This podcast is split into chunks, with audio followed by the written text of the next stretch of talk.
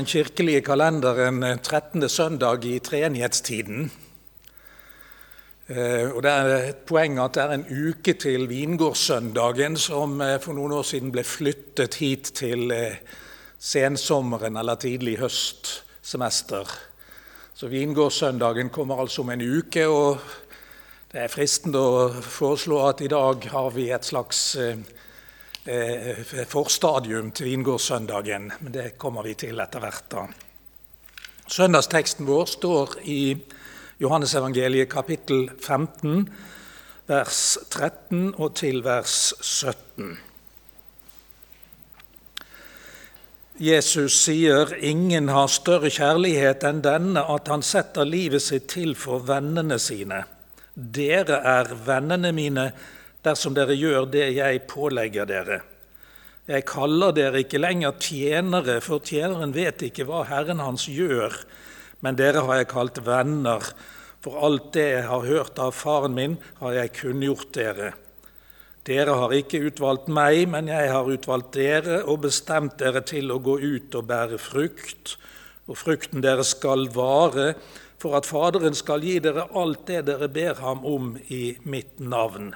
Dette er budet mitt til dere, at dere skal elske hverandre. Amen.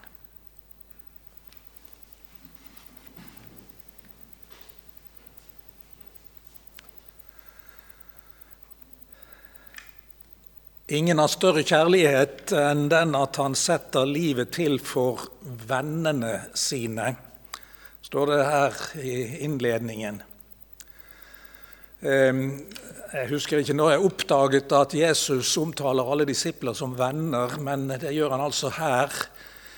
Men eh, jeg har en erindring som går langt tilbake til 1973. Da var jeg nyutdannet prest. Eh, jeg hadde en grunn til å bli boende et år ekstra i Oslo før jeg flyttet til Vestlandet igjen. Eh, og hadde i det året avtale med sjefredaktøren i Vårt Land den gangen, han het Håkon Fred Breen, om at jeg skulle arbeide som journalist og kirkelig medarbeider i Vårt Land i ett år, fra høsten 1973 til våren 1974.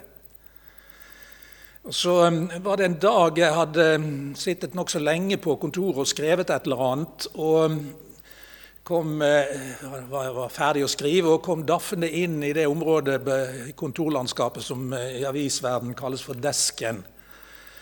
Der pleier jo altså deskjournalisten å sitte og arbeide med den grafiske utformingen. Eh, slik var det også den gangen, men dette var jo langt tilbake i avistidsalderen. Det var blysats, og det var skikkelig gammelmodig måte å produsere avis på sammenlignet med det som nå er, er gjeldende. Og Der borte ved et av skrivebordene satt der en ung mann som jeg ikke hadde hilst på, så jeg gikk og hilste på han. og Han eh, fortalte han at han het Vidar Christensen og var eh, teologistudent på Menighetsfakultetet. Og Jeg var altså akkurat ferdig utdannet og, og, og var blitt ordinert til prest. Og hadde til og med fullført et år eh, feltpresttjeneste. Så jeg prata litt med han og tenkte at dette var en hyggelig ung mann, og tydeligvis en flink og seriøst arbeidende ung mann som eh, dessuten spedde på studielånet ved å arbeide som korrekturleser i, på kveldstid i Vårt Lands redaksjon. Det var eh, første gangen jeg hilste på Vidar Christensen. og Han har skrevet en salme. Og Det sokk i meg da jeg oppdaget den salmen, for det sto at han hadde skrevet den allerede to år før den gangen jeg altså første gang hilste på han. Da syntes jeg han var en veldig ung mann. Jeg var jo simpelthen et par-tre år eldre. Eh, og eh, Han hadde altså skrevet salmen i 1971, og den er nå kommet inn i salmeboken. Og Den begynner med det vennskapsbegrepet som vi har i teksten vår i dag. Bare at det går motsatte veien. Salmedikteren Vidar Christensen sier 'Jeg har en venn som har gitt sitt liv for at jeg skal få leve'. Det finnes intet alternativ, det nytter ikke å streve. Fordi jeg lever så milevidt ifra Guds vilje med livet mitt, fikk jeg dommen slik lød den, du skal dømmes til døden. Denne dommen er absolutt, og jeg kan ikke anke, Men når jeg innser at alt er slutt, har Gud en frelsende tanke. Til jorden sender han Jesus, som tar på seg både min skyld og dom. Og når han drepes uskyldig, blir min dødsdom ugyldig. Slik lyder eh, to av de tre versene i Vidar Christensens salme fra 1971. Eh, og Den begynner med å si at Jesus er en venn. Og I søndagsteksten i dag sier Jesus det samme til oss, til disipler. sier eh, ingen har større kjærlighet enn den at han setter livet til for vennene sine. Og et eh, par vers lenger nede Jeg kaller dere ikke lenger tjenere, men jeg kaller dere venner. Jesus er vennen vår. Han er, han er, vennen vår på en helt spesiell måte. Han har gitt livet sitt for oss, synger Vidar Christensen i salmen sin, stedfortredende. Gud har en frelsende tanke. Han sender Jesus som tar på seg både min skyld og dom. Det er en veldig flott salme denne meget unge salmedikteren fra eh, tidlig 70-tallet har gitt oss, for den maler bildet av Jesu stedfortredende soningsdød for å betale for vår skyld og gjeld for Guds trone. Det er Eh, veldig flott skrevet av eh, den eh, veldig unge salmedikteren den gangen. Og Det svarer på en prikk til det som står i det første av versene i teksten vår. For Jesus sier ingen har større kjærlighet enn denne, at han setter livet sitt til for vennene sine. Det er stedfortredertanken som bor her. Eh, i eh, 1930 var det en eh, svensk teolog som ble berømt for en bok som het 'Den kristne kjærlighetstanken'. Den het Anders Nygren. Og Det er denne kristne kjærlighetstanken som står, det står om i dette vers 13 i vår tekst. Ingen har større kjærlighet enn denne, at han setter livet sitt til for vennene sine. Denne boka til Anders Nygren ble voldsomt berømt, og det er mange som har en følelse av at de kjenner hovedtesen til den svenske teologen. For um, han sa noe sånt som at det er et agapemotiv i den kristne kjærlighetstanken, og det er det vi møter i vårt vers da. Kjærlighet er at Jesus setter livet til for vennene. Og så er det et eros-motiv, og eros er jo et annet ord for kjærlighet, men vi forbinder det mest med ordet erotikk. Og Det er uh, Ifølge Nygren sin måte å tenke på da er det en mer uh, selvopptatt måte å tenke kjærlighet på. Og Det er til og med en tredje kategori kjærlighet uh, knyttet til et gresk verb som heter fileo, å elske. og Her i vårt vers så er det jo substantivutgaven filos, som betyr venn. Så Man kaller det for vennskapskjærlighet. Det er en praktfull typedeling av kjærlighetstyper denne Anders Nygren er blitt berømt for. og Det er jo 90 år siden boken ble skrevet, da, men den, det henvises igjen og igjen til den. Og det er mange som har en følelse av at de lærer mye av eh, referatene fra denne boka. Nå tror jeg nok at blant eksperter så er det en god del skepsis nå til de metodiske grepene til den svenske teologen, men det er ikke vårt emne i dag. Men eh, Eh, vi kan godt nevne at eh, det er mulig at det ble litt vel strømlinjeformet sluttresultat i boka her. Det som er vårt emne, det er jo likevel det som står i bibelteksten vår om, eh, om kjærlighet. Og kjærlighet er altså mest av alt illustrert for oss gjennom det Jesus her sier om å sette livet sitt til for vennene sine. Venner er altså venner som Jesus elsker, og demonstrerer det ved å sette livet til. Det er til og med eh, veldig betont eh, det stedfortredende ved det vennskapet, det kjærlighetsvennskapet som Jesus her taler om. For eh, det brukes en preposisjon setter livet til for vennene sine. For er en eh, preposisjon, og den heter på grunnspråket hyper. og eh, Den kan i noen grammatiske former bety på den andre siden av, men i andre grammatiske former, den som vi har her, så betyr det rett og slett istedenfor. Eh, det er eh, selve stedfortredertanken som lyser ut av det lille preposisjonsleddet. Setter livet til for vennene. Så Her sier altså Jesus til oss at hvis vi vil vite hva kjærlighet er, så skal vi se på stedfortredende lidelse og død. Der får vi malt kjærlighetstanken, den kristne kjærlighetstanken i all sin skarphet. Den er, den er veldig betont i vår tekst. Og Så må vi si en ting til om vår tekst, for den står i kapittel 15 i Johannesevangeliet. Eh, det betyr at den står midtveis i de kapitlene som eh, er regnet for eh, som, som stammer fra Jesus' siste måltid med disiplene. De sitter der og har påskemåltid, og Jesus samtaler. Og Johannes har gitt oss mange kapitler med referat og resymé fra samtalen ved det siste måltidet. Johannes 14 til 17. I det kapittel 15 begynner, så er de egentlig ferdig med måltid, og så reiser de seg opp og går ut. Og Da er det en, eh, forfatter av kommentar til Johannesevangeliet som heter Colin Kruse. Og Han skriver at eh, hvis vi ser for oss disse disiplene som går antagelig litt nedoverbakke eh, ofte eh, fra nattverdssalen i retning av Gesemanehagen, så passerer de antagelig tempelforgården. Og Ifølge eh, en historiker som heter Josefus, så var det på veggen der massevis av gull. Eh, det var eh, en port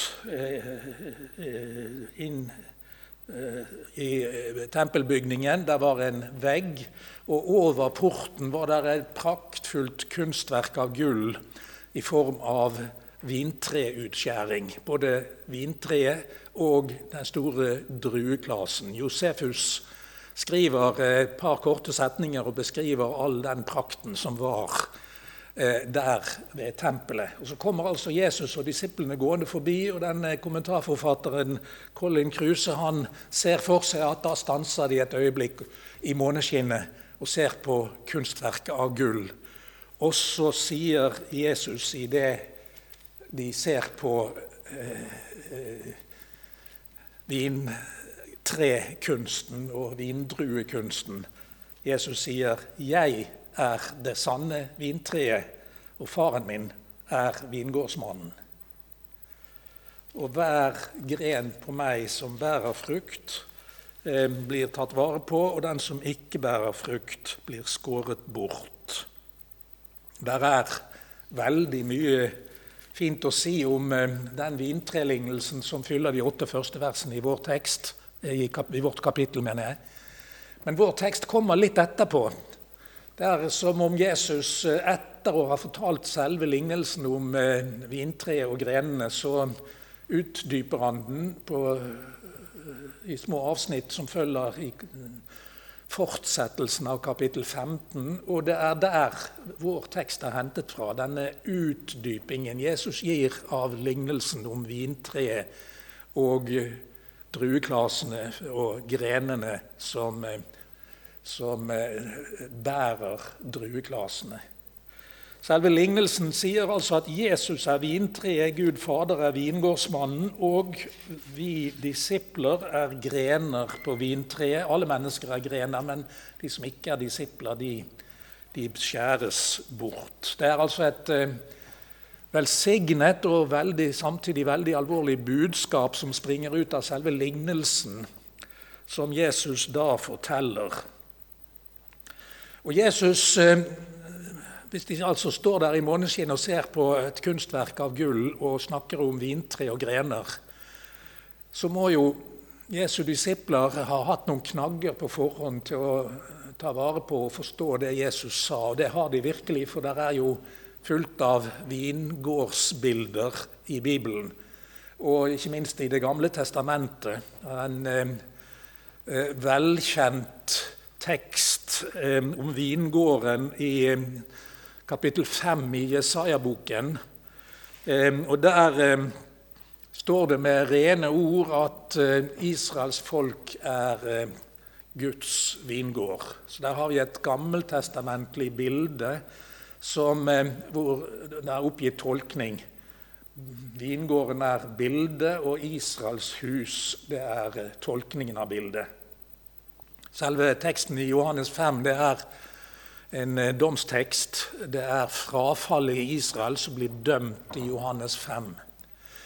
Så kommer det en ny eh, vingårdslignelse eller sang om Herrens vingård, faktisk i Jesaja 27, og den er, eh, den er en frelsessang. Eh, vrede har jeg ikke mot vingården min, står det der i Jesaja 27.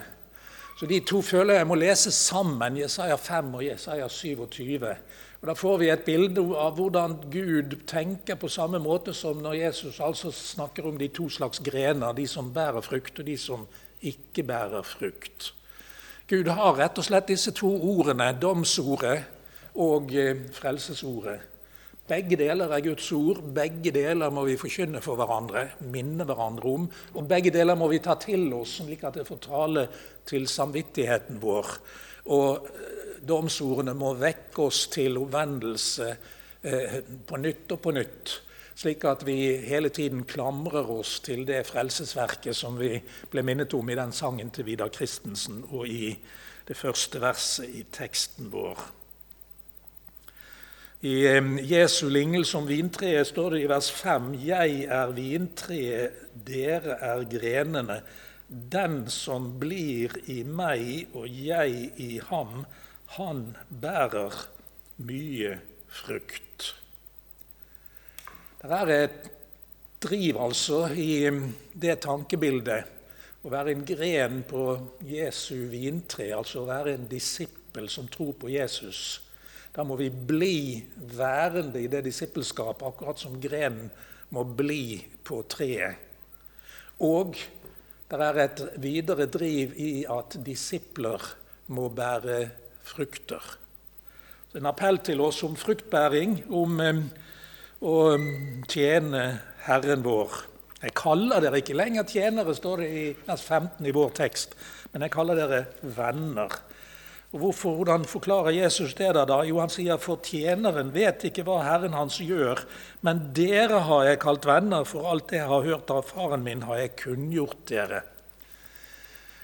Det er altså forskjell på en tjener og en venn, sier Jesus. Og den forskjellen består i at vennen kjenner budskapet som veileder. Når Herren har en, eh, et eh, åpenbaringsbudskap, eh, så, så, så, kjenner ikke tjeneren, forstår ikke tjeneren det, men vennen forstår det. Å være en disippel det er altså hele tiden å strekke seg etter å forstå hele frelsesbudskapet som eh, Gud har sendt Jesus med til jorden.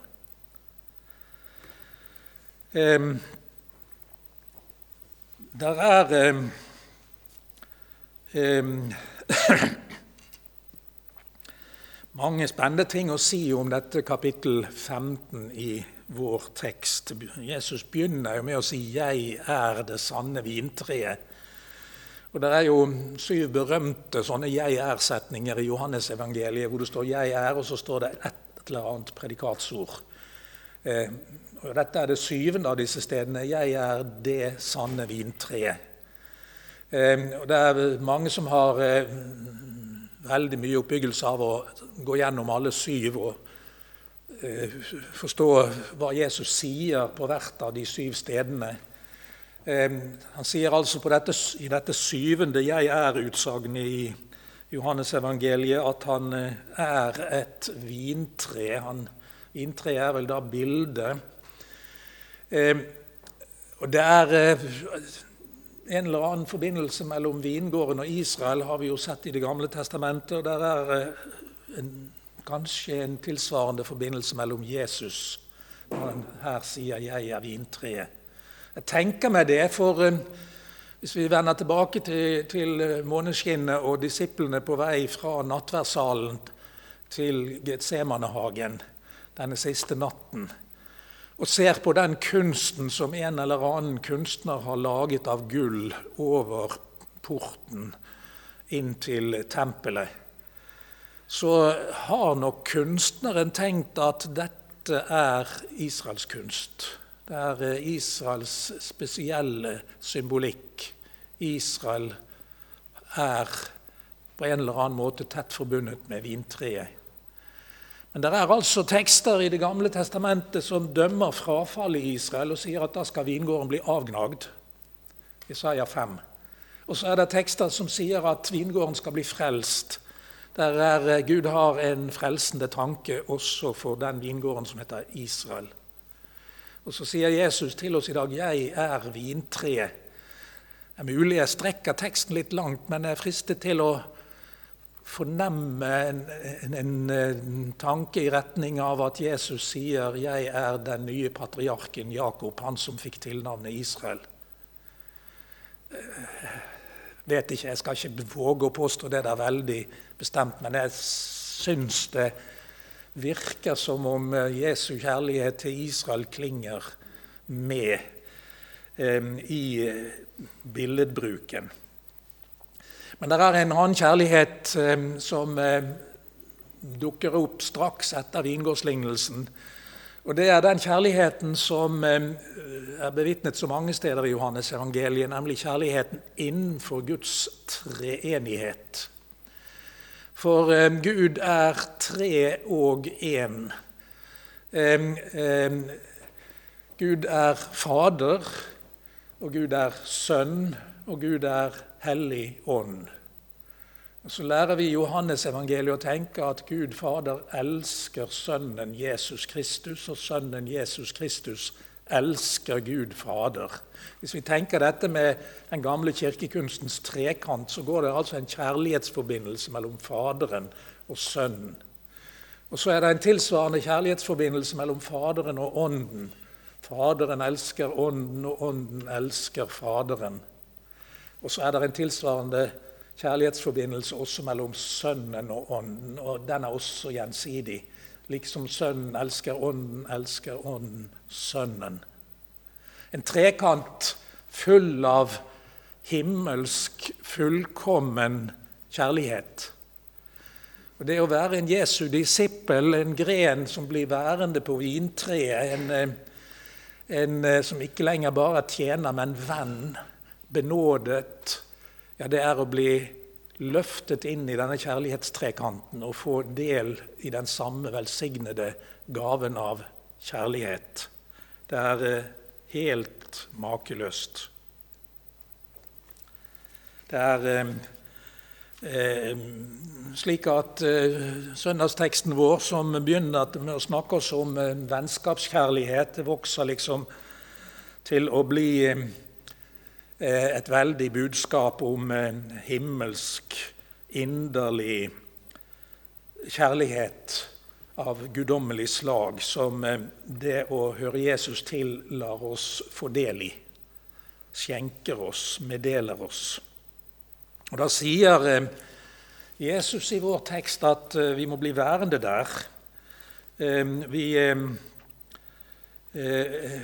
Jesus har åpenbart et helt budskap om hva dette innebærer. og Det å være en disippel er å strekke seg etter det budskapet, stadig vokse i kjennskap til det, bli mer og mer moden som disippel og venn av Jesus.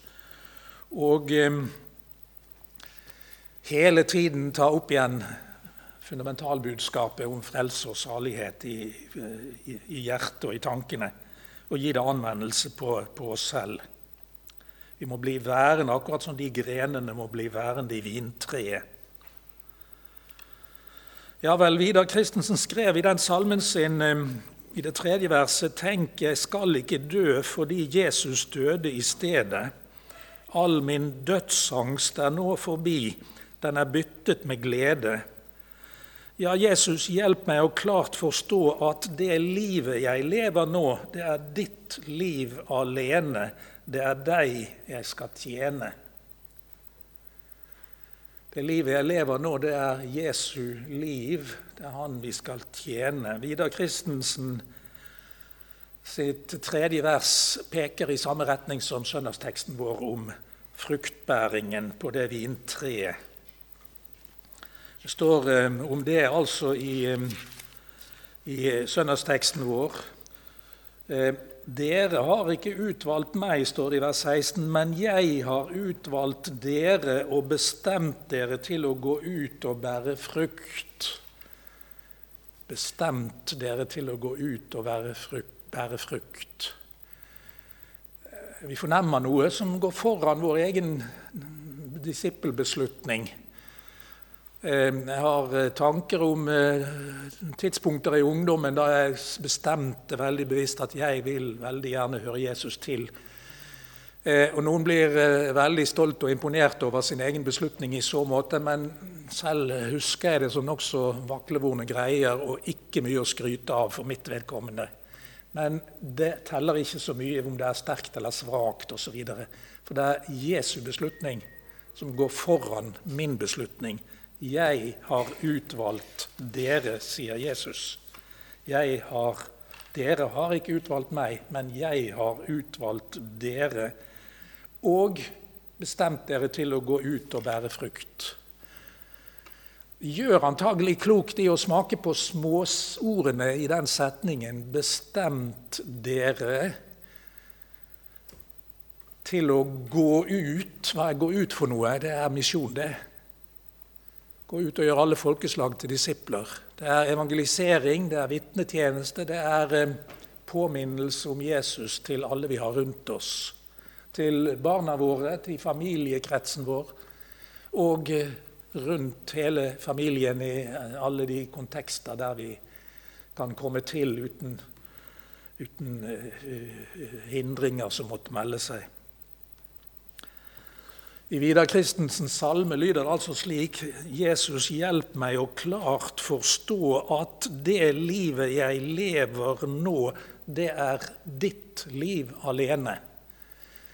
Disippelskapslivet, livet som Jesu venn, er et liv der eh, Jesus lever i oss.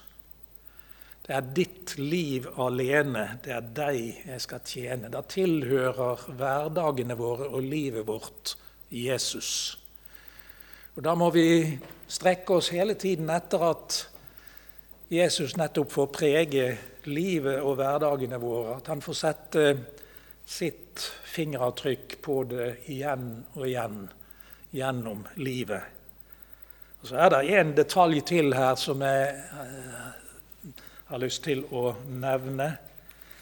Det står i vers 16b Frukten deres skal vare. Står det 'frukten deres skal vare'? Altså Når en disippel bærer frukter i form av en sånn drueklase som, som den som kunstneren hadde malt der på veggen, så skal eh, den vare. En vanlig drueklase overlever ikke så veldig lenge hvis den står i et fat på bordet. Noen dager og uker. Men Jesus sier altså om disiplenes fruktbæring at den frukten skal vare fordi det egentlig er Jesu frukt gjennom oss. Det betyr at når alderen melder seg og vi begynner å innse at vi er blitt gamle, og skuer tilbake på livet, så sier Jesus om det livet vi levde, og hvor eh, det ikke føles som det er så mye å skryte av og se tilbake på, så sier Jesus frukten deres skal vare. Og Det kan godt hende at når regnskapsdagen kommer og vi får greie på alt som vi ikke skjønte om livet vårt, så blir vi overrasket. Frukten deres skal vare, sier Jesus. Å være en venn av Jesus, det er altså å ta vare på Jesu åpenbaring fra Gud Fader. Det er et uh, ta vare på-ideal. Det er et kjærlighetsbudskap om en stedfortredende soningsdød, og det må forfylle tanken og hjertet vårt hele tiden. Og det er et budskap om misjon og fruktbæring og en forsikring om at det vi da gjør, skal vare, for det er kjærlighetsfrukter som stammer fra selve den treenige Gud. Amen.